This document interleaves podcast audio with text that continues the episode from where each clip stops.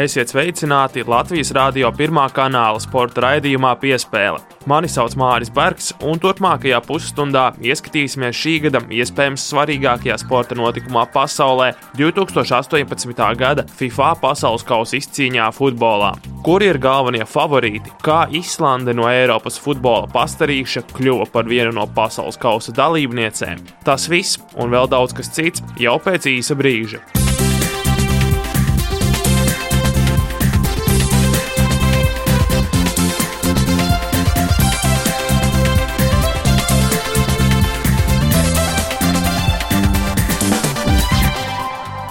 Pagājuši četri gadi, un lielie futbola svētki jau atkal klauvē pie mūsu durvīm. Pēc dažām dienām Krievijā sāksies 2018. gada FIFA pasaules kausa futbolā. Pagājušā gada izskaņā tika noskaidrotas visas 32 komandas, kas šovasar priecēs futbola līdzjutējus Krievijas stadionos. No 32 komandām, kas kvalificējās šim pasaules kausam, 20 spēlēja arī iepriekšējā pasaules kausa fināla turnīrā Brazīlijā pirms četriem gadiem. Krievijā neredzēsim tādas spēcīgas valsts vienības kā Itālija, Nīderlande un ASV, taču pasaules kausā debitēs Islande un Panama. Pirmo reizi kopš 90. gada spēlēs Eģipte, un pirmo reizi kopš 82. gada pasaules kausā redzēsim Peru izlasi.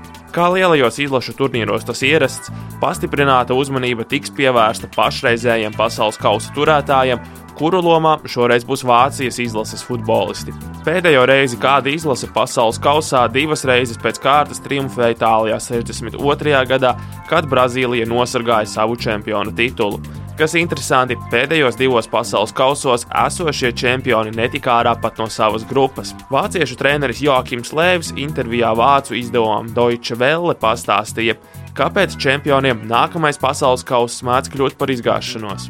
Auf allerhöchstem Niveau immer irgendwie das zu halten. Lai konstanti spētu spēlēt visaugstākajā līmenī, ir jāspēj izpildīt neticamas prasības. Visu laiku jābūt maksimālai koncentrācijai. Un pats galvenais - nekad nedrīkst ieslīgt pašapmierinātībā. Parasti cilvēks svin savus panākumus, un tas ir tikai normāli. Bet tas nozīmē arī to, ka tava apetīte ir apmierināta. Cilvēcīgi tas ir saprotams. Tu zaudē dzinuli gūt panākumus, citi ir motivētāki par tevi, un tajā brīdī tu tiec patrieks no savas vietas uz piedestāla. Tāpēc visgrūtāk ir uzturēt augstos standartus. Mans darbs ir pielāgoties katrai situācijai. Man jābūt informētam par virzienu, kādā dodas futbols, kā tas attīstās. Mēs gribam būt tie, kas nosaka tendences futbolā, un tādējādi atrasties priekšā citiem. Mēs cenšamies ieskatīties futbola nākotnē, tāpēc treniņos mēs izmēģinām visstrakākās idejas. Pat ja tās šķiet absurdas, mēs tāpat tās izmēģinām.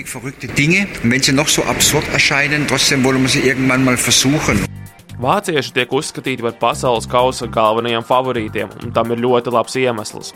Vācija kvalifikācijas turnīrā uzvarēja visās desmit spēlēs, un to laikā ielaida tikai četrus vārtus.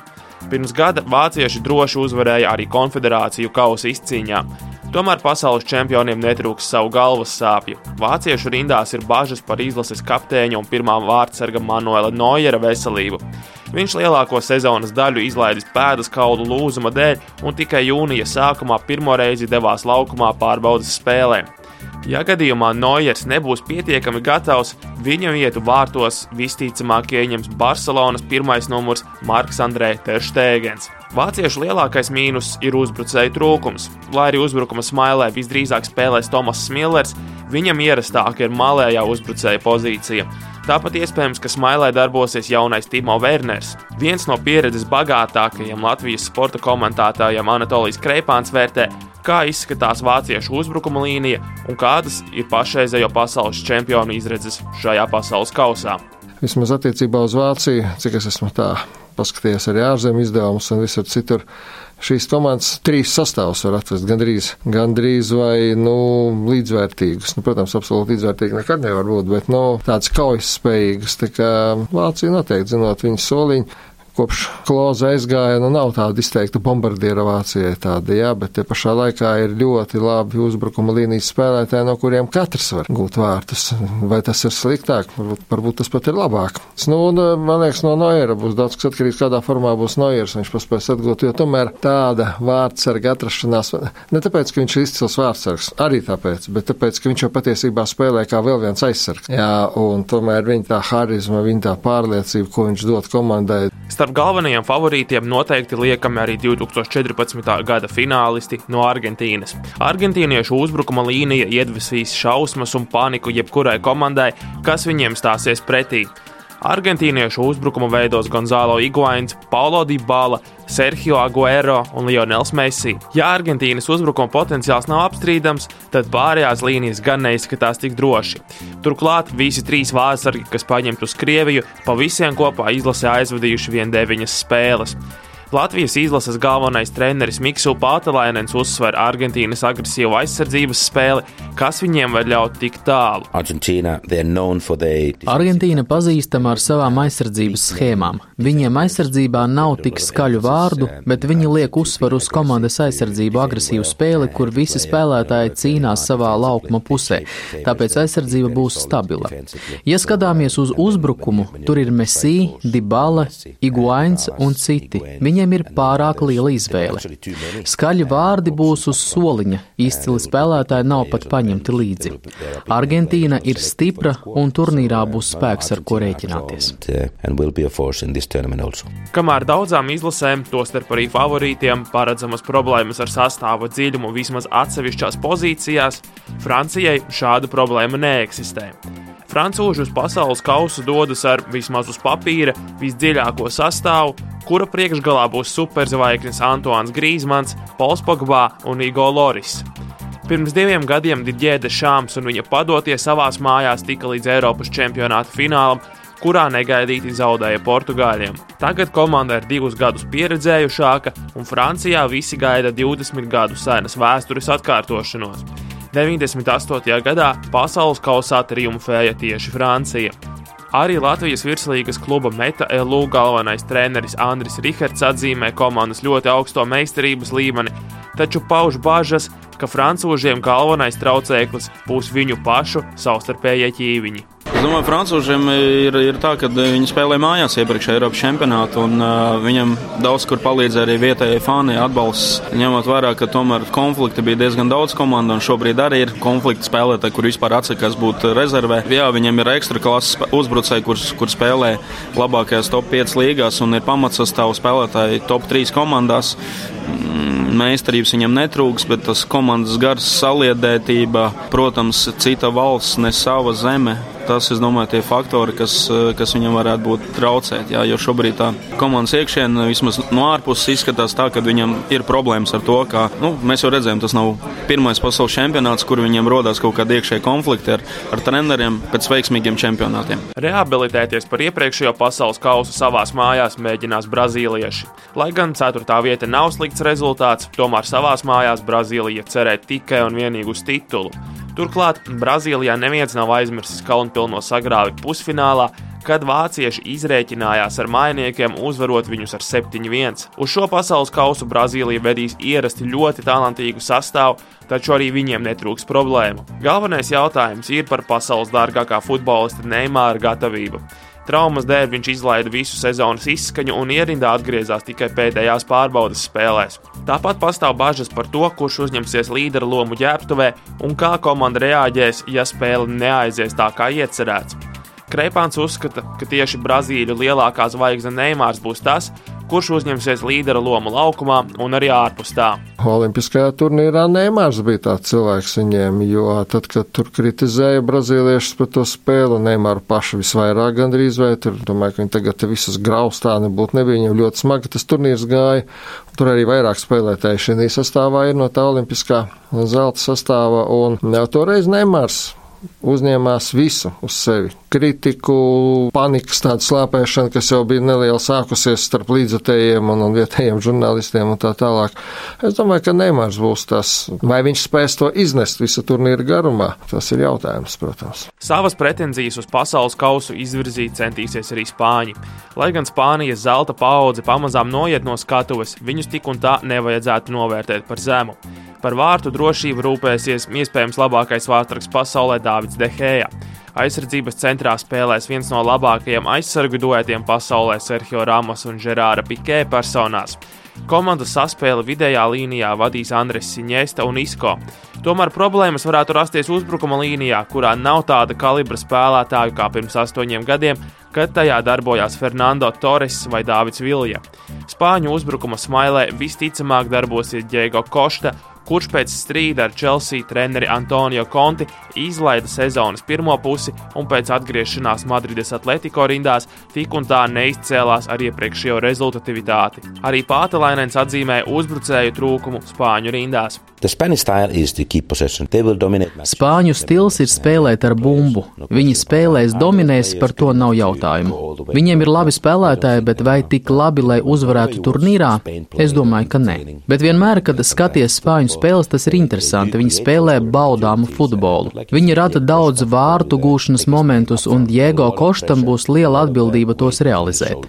Bet es domāju, ka viņiem trūkst pārāk daudz. Viņiem vairs nav zelta komandas, tāpēc nedomāju ka viņi tiks līdz pasaules kausam. Lai gan Angļi parasti tiek ieskaitīti turnīra galvenajiem favorītiem, īsta pamata tam tomēr nav. Uz papīra Angļiem vienmēr ir iespaidīgs sastāvs, taču panākumi izpaliek. Pēdējās medaļas viņiem ir 98. gada Eiropas čempionāta bronza. Pasaules kausā Angļu uzvarēja Itālijā 66. gadā, kopš tā laika labākais panākums ir 4. vieta 90. gada turnīrā. Arī pirms četriem gadiem Angļiem viens neizšķirts, divi zaudējumi un apkaunojoša izstāšanās jau grupu turnīrā. Uz Krieviju Angļi vedīs ierasti talantīgu, taču gados ļoti jaunu komandu. Līdzīgi kā argentīniešiem, Angļiem lielas raizes sagādās vārdsargu līnija. Izlasē nav pieredzējušā Džo Hārta, un visi trīs paņemtie vārdsargi kopā izlasē ir nospēlējuši 11 spēles. Pātalainens skaidro, ka galvenais būs tas, cik labi Angļi tiks galā ar spiedienu, ko viņiem uzliek mēdīji un viņu fani. The, the really is, um, Jautājums ir, vai viņi spēs tikt galā ar mēdīju un fanu uzlikto spiedienu. Garets Southgates pārbaudas spēlēs spēlēja ar trim aizsargiem. Redzēsim, vai tāpat būs turnīrā. Viņiem ir labi piespēlētāji, spēcīgi aizsargi un ātri uzbrucēji. Džeimijs Vārdijs un Harijs Keins uzbrukumā daudz strādā un var iesist jebkuram. Šķiet, ka ap Angļiem šoreiz nav tāda ažiotāža kā citas reizes. Tas ir labi komandai. Mēdīji un atbalstītāji rada spiedienu. Svarīgi būs tas, kā viņi ar to tiks galā. Viena no turnīra lielākajām intrigām ir, vai šis beidzot būs Beļģu čempionāts. Beļģija turnīru sāks vienā grupā ar Angliju, Panamu un Tunisiju, un šajā kompānijā viņi būs izteikti favorīti. Tā sauktā beļģu zelta paudze šobrīd atrodas savu spēku pilnbriedā. Beļģiem visās pozīcijās ir pasaules klases futbolisti, un uz papīra Beļģijai būs viens no labākajiem sastāviem turnīrā. Tomēr Beļģi savu potenciālu nav spējuši realizēt. Arī tagad Beļģijas nometnē problēmu netrūkst, jo viens no komandas līderiem un spēles veidotājiem, Kevins De Bruyne, publiski kritizējis trenera Roberto Martīnesa spēles stilu un taktiku, kas vairāk tendētu uz aizsardzību un nav piemērota uzbrukošajiem beļģiem. Pātlainens atzīmē beļģu talantu, tomēr viņš uzskata, ka viņu laiks būs vēl pēc četriem gadiem. Well,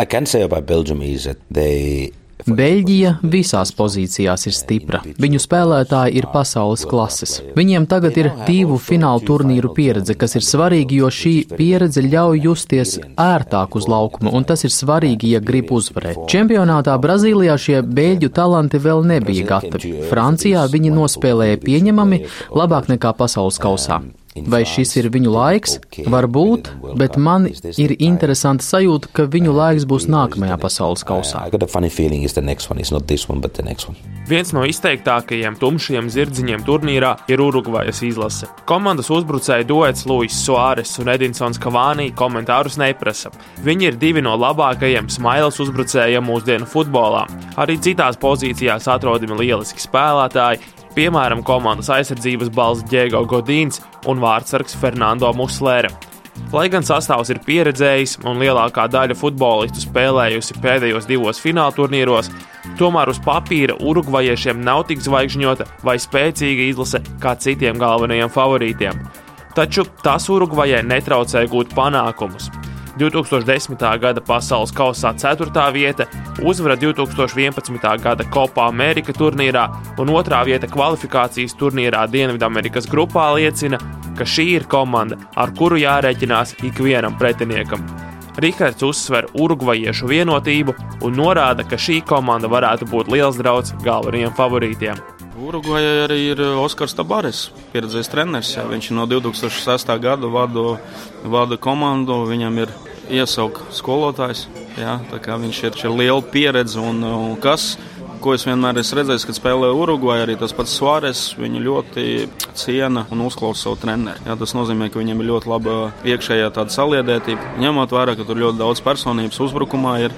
Jā, agrāk vēl bija vēl spēcīgāks tas sastāvs, tomēr šobrīd ir nomainījies, bet nu, ir savi līderi, kas, kas ir palikuši. Un uh, Urugvajā nav norakstām uh, kā pretendentu uz, uz, uz favorītiem, bet nu, tāpat laikā būsim godīgi, man liekas, ka uh, viņa labākais pasaules čempionāts jau bija. Latvijas izlase pasaules kausa kvalifikācijā aizvadīja ļoti neizteiksmīgi, savā grupā paliekot priekšpēdējā vietā un pārspējot tikai Andoru.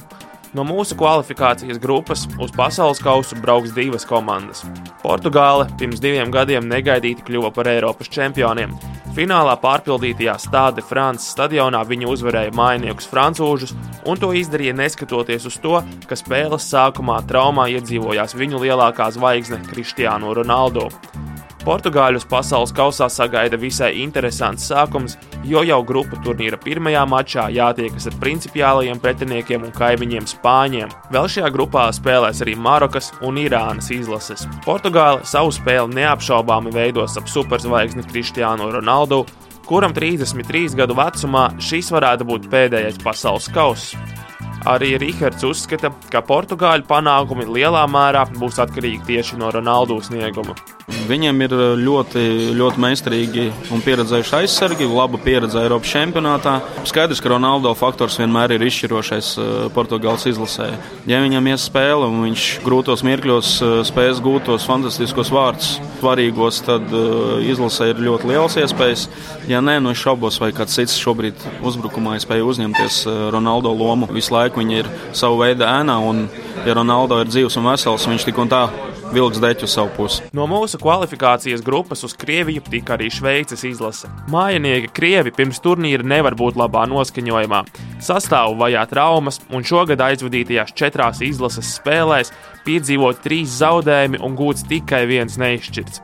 Portāla Delfi sporta žurnālists Uldis Strautmanis komentē situāciju ar Krievijas izlasi pirms turnīra. Objektīvi runājot, Krievijā es domāju, ka tas ir tas kaut kāds KHL variants Krievijas futbolā. Viņiem ir milzīgas algas, viņi futbolisti tiek dievināti, ja, celti tur godā. Nu, paskatāmies uz to rezultātu tablo. Nu, nu, nav, nu, nav viņiem, ja viņiem ir tādas zvaigznes un tā tālāk, tad jau varbūt Barcelonā Reāli Madridā, Manchestrās, abās, nu, visur būtu jāspēlē. Kā, nu, nu, neizspēlē šie krievu futbolisti, un tāpēc es domāju, ka arī Latvijas mēdīju telpā un Latvijas futbola telpā Krievija ir bikiņi pārvērtēta. Nu, objektīvi runājot, viņi ir uh, grupas komanda. Kaut ko iepriecinās līdzjutējs, varbūt neiepriecinās līdzjutējs. Viņš bija tāds motivators, ka es arī gribu būt tur, kur ir viņš un darīt to, ko viņš dara. Visiem spēlētājiem mēs ticam, gaidām, un, un vēl nekas nav beidzies. Vismaz viena spēle mums noteikti. Jā. Pēdējos gados Īslandes izlase dara visu, lai šī sala cilvēkiem asociētos ar futbolu. Pirms diviem gadiem Eiropas čempionātā islandieši iekļuva ceturdaļfinālā, pa ceļam mājās aizsūtot spēcīgos angļus. Pasaules kausa kvalifikācijā Islandi uzvarēja savā grupā, aiz sevis atstājot ļoti respektablās un spēcīgās Horvātijas, Ukrainas un Turcijas komandas. Pēc Pasaules bankas datiem Islandē dzīvo aptuveni 340 tūkstoši cilvēku, jeb aptuveni uz pusi mazāk iedzīvotāju nekā Rīgā. Tomēr mazais iedzīvotāju skaits islandiešiem nav liedzis izveidot vienu no labākajām handbola izlasēm Eiropā, un tagad arī augsta līmeņa futbola izlasi.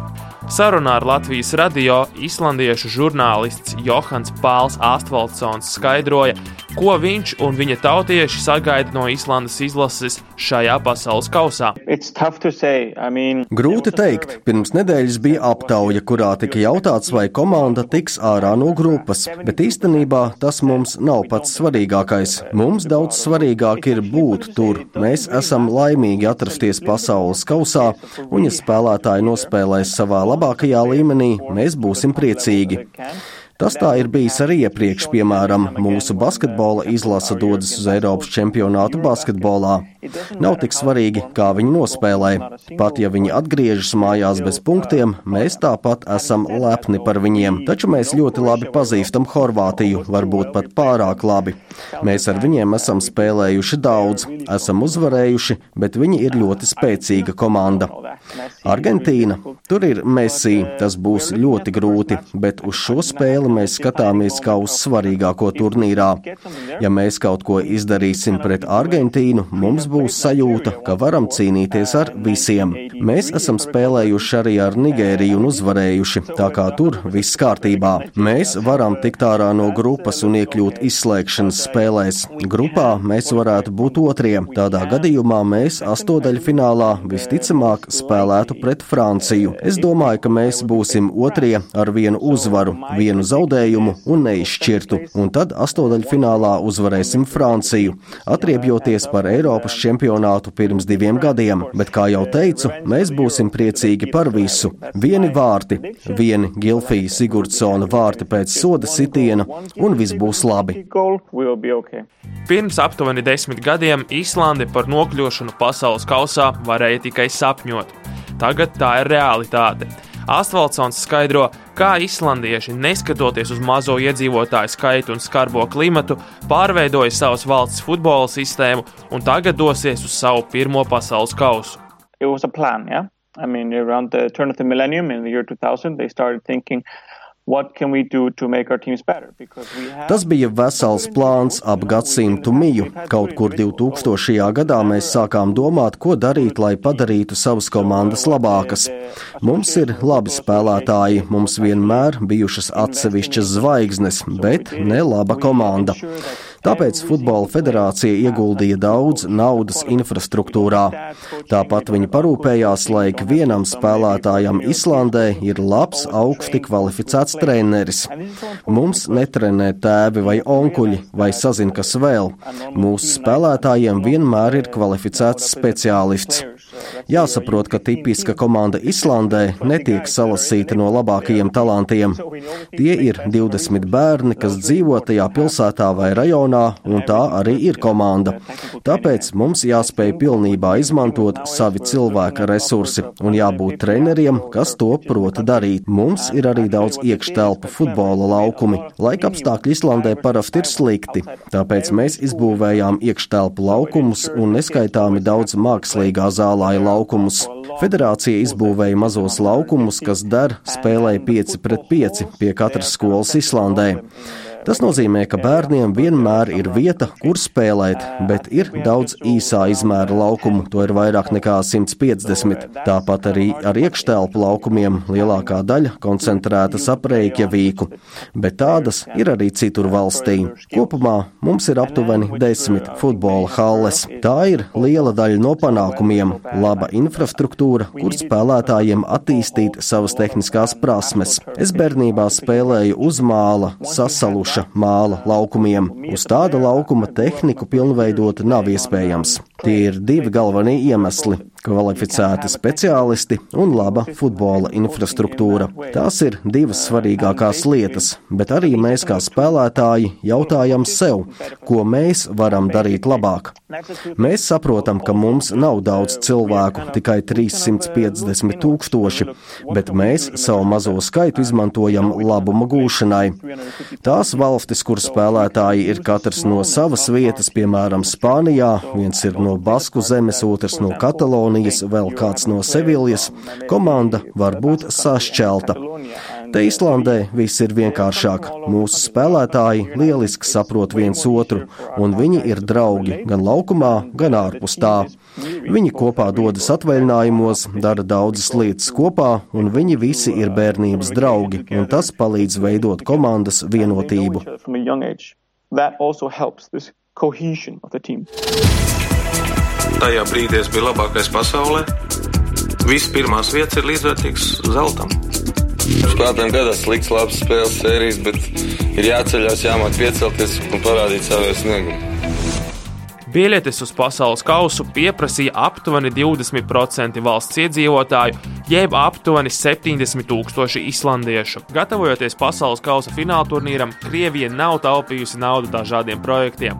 Kopumā infrastruktūras attīstībai iztērēti aptuveni 10 miljardi ASV dolāru. Lielākā daļa no šīs summas iztērēta lidostu modernizācijai tajās pilsētās, kur notiks turnīra spēles. Tāpat ļoti daudz naudas veltīts arī stadionu izbūvē.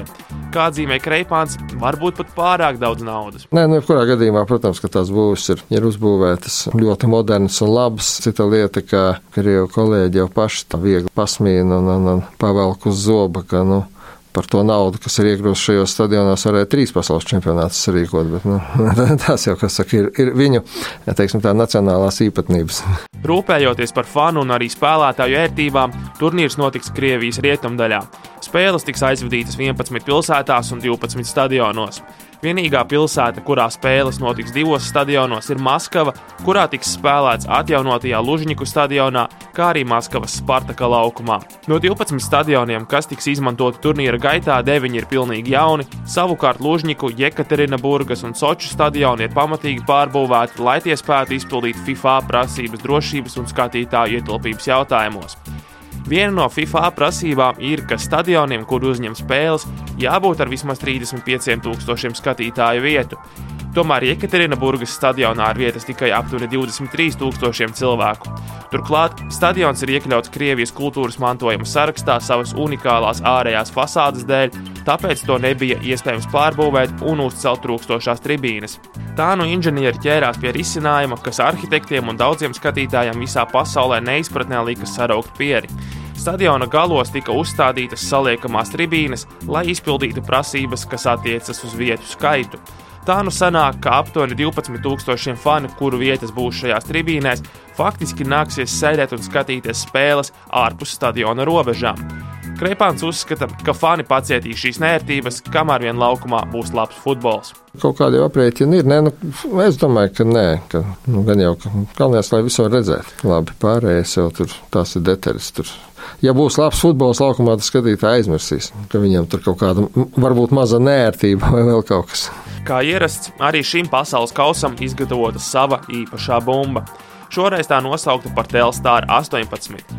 Bumbas dizains ir mūsdienu interpretācija par oriģinālās Telstar bumbas dizainu, kas tika izmantota 1970. gada pasaules kausā un bija pirmā Adidas ražotā bumba speciāli pasaules kausam. Pēdējo pasaules kausa bumbas no vārdsargu puses ir daudz kritizētas. Īpaši slikti vārdsargi izteicās par 2010. gada bumbu. Lai gan netik skaļi, taču arī šī gada modelim ir veltīti pārmetumi. Spānijas izlases pirmais numurs Dārvids Deheja saka, ka bumbas lidojuma trajektorija ir neparedzama un bumba gaisā mēdz uzvesties dīvaini. Tomēr Rihards uzskata, ka vārdsargi tomēr nav tie objektīvākie bumbas vērtētāji. Vārdsargi jau vienmēr būs tie, kas pirmie teiks, ka bumba ir tāda, ka pirmo reizi dzīvē tādu redz un ir mīnus tāda un tāda, bet nu, to jau laikam parādīs eh, pasaules čempionāts. Jau vai tā bumba lidos ar uh, kaut kādu neiedomājumu trajektoriju, vai tieši otrādi sitienu nesanāks spēlētājiem, jo tā bumba kaut kur apstāsies pusceļā. Nu, jāskatās ir uh, čempionu laikā. Pasaules kausa sāksies ceturtdien, kad Maskavas Lužņiku stadionā mājinieki Krievi aizvadīs atklāšanas spēli, tiekoties ar Saudārābiju. Turnīrs pilnus apgriezienus uzņems piekdienu, kad cīņā iesaistīsies Eģipte un Urugvaja, kā arī visas četras B grupas komandas. Fināla turnīra noslēdzošā 64. spēle notiks 15. jūlija vakarā, turpat Lūžņiku stadionā, kad divas labākās komandas čempionātā noskaidros, kuri varēs svinēt un virs savām galvām celt pasaules kausu. Tas Latvijas radio pirmā kanāla sporta raidījumā piespēle šoreiz arī viss. Studijā biju es Māris Bergs. Šo raidījumu man palīdzēja veidot skaņu operators Miķelis Putniņš. Uz sadzirdēšanos!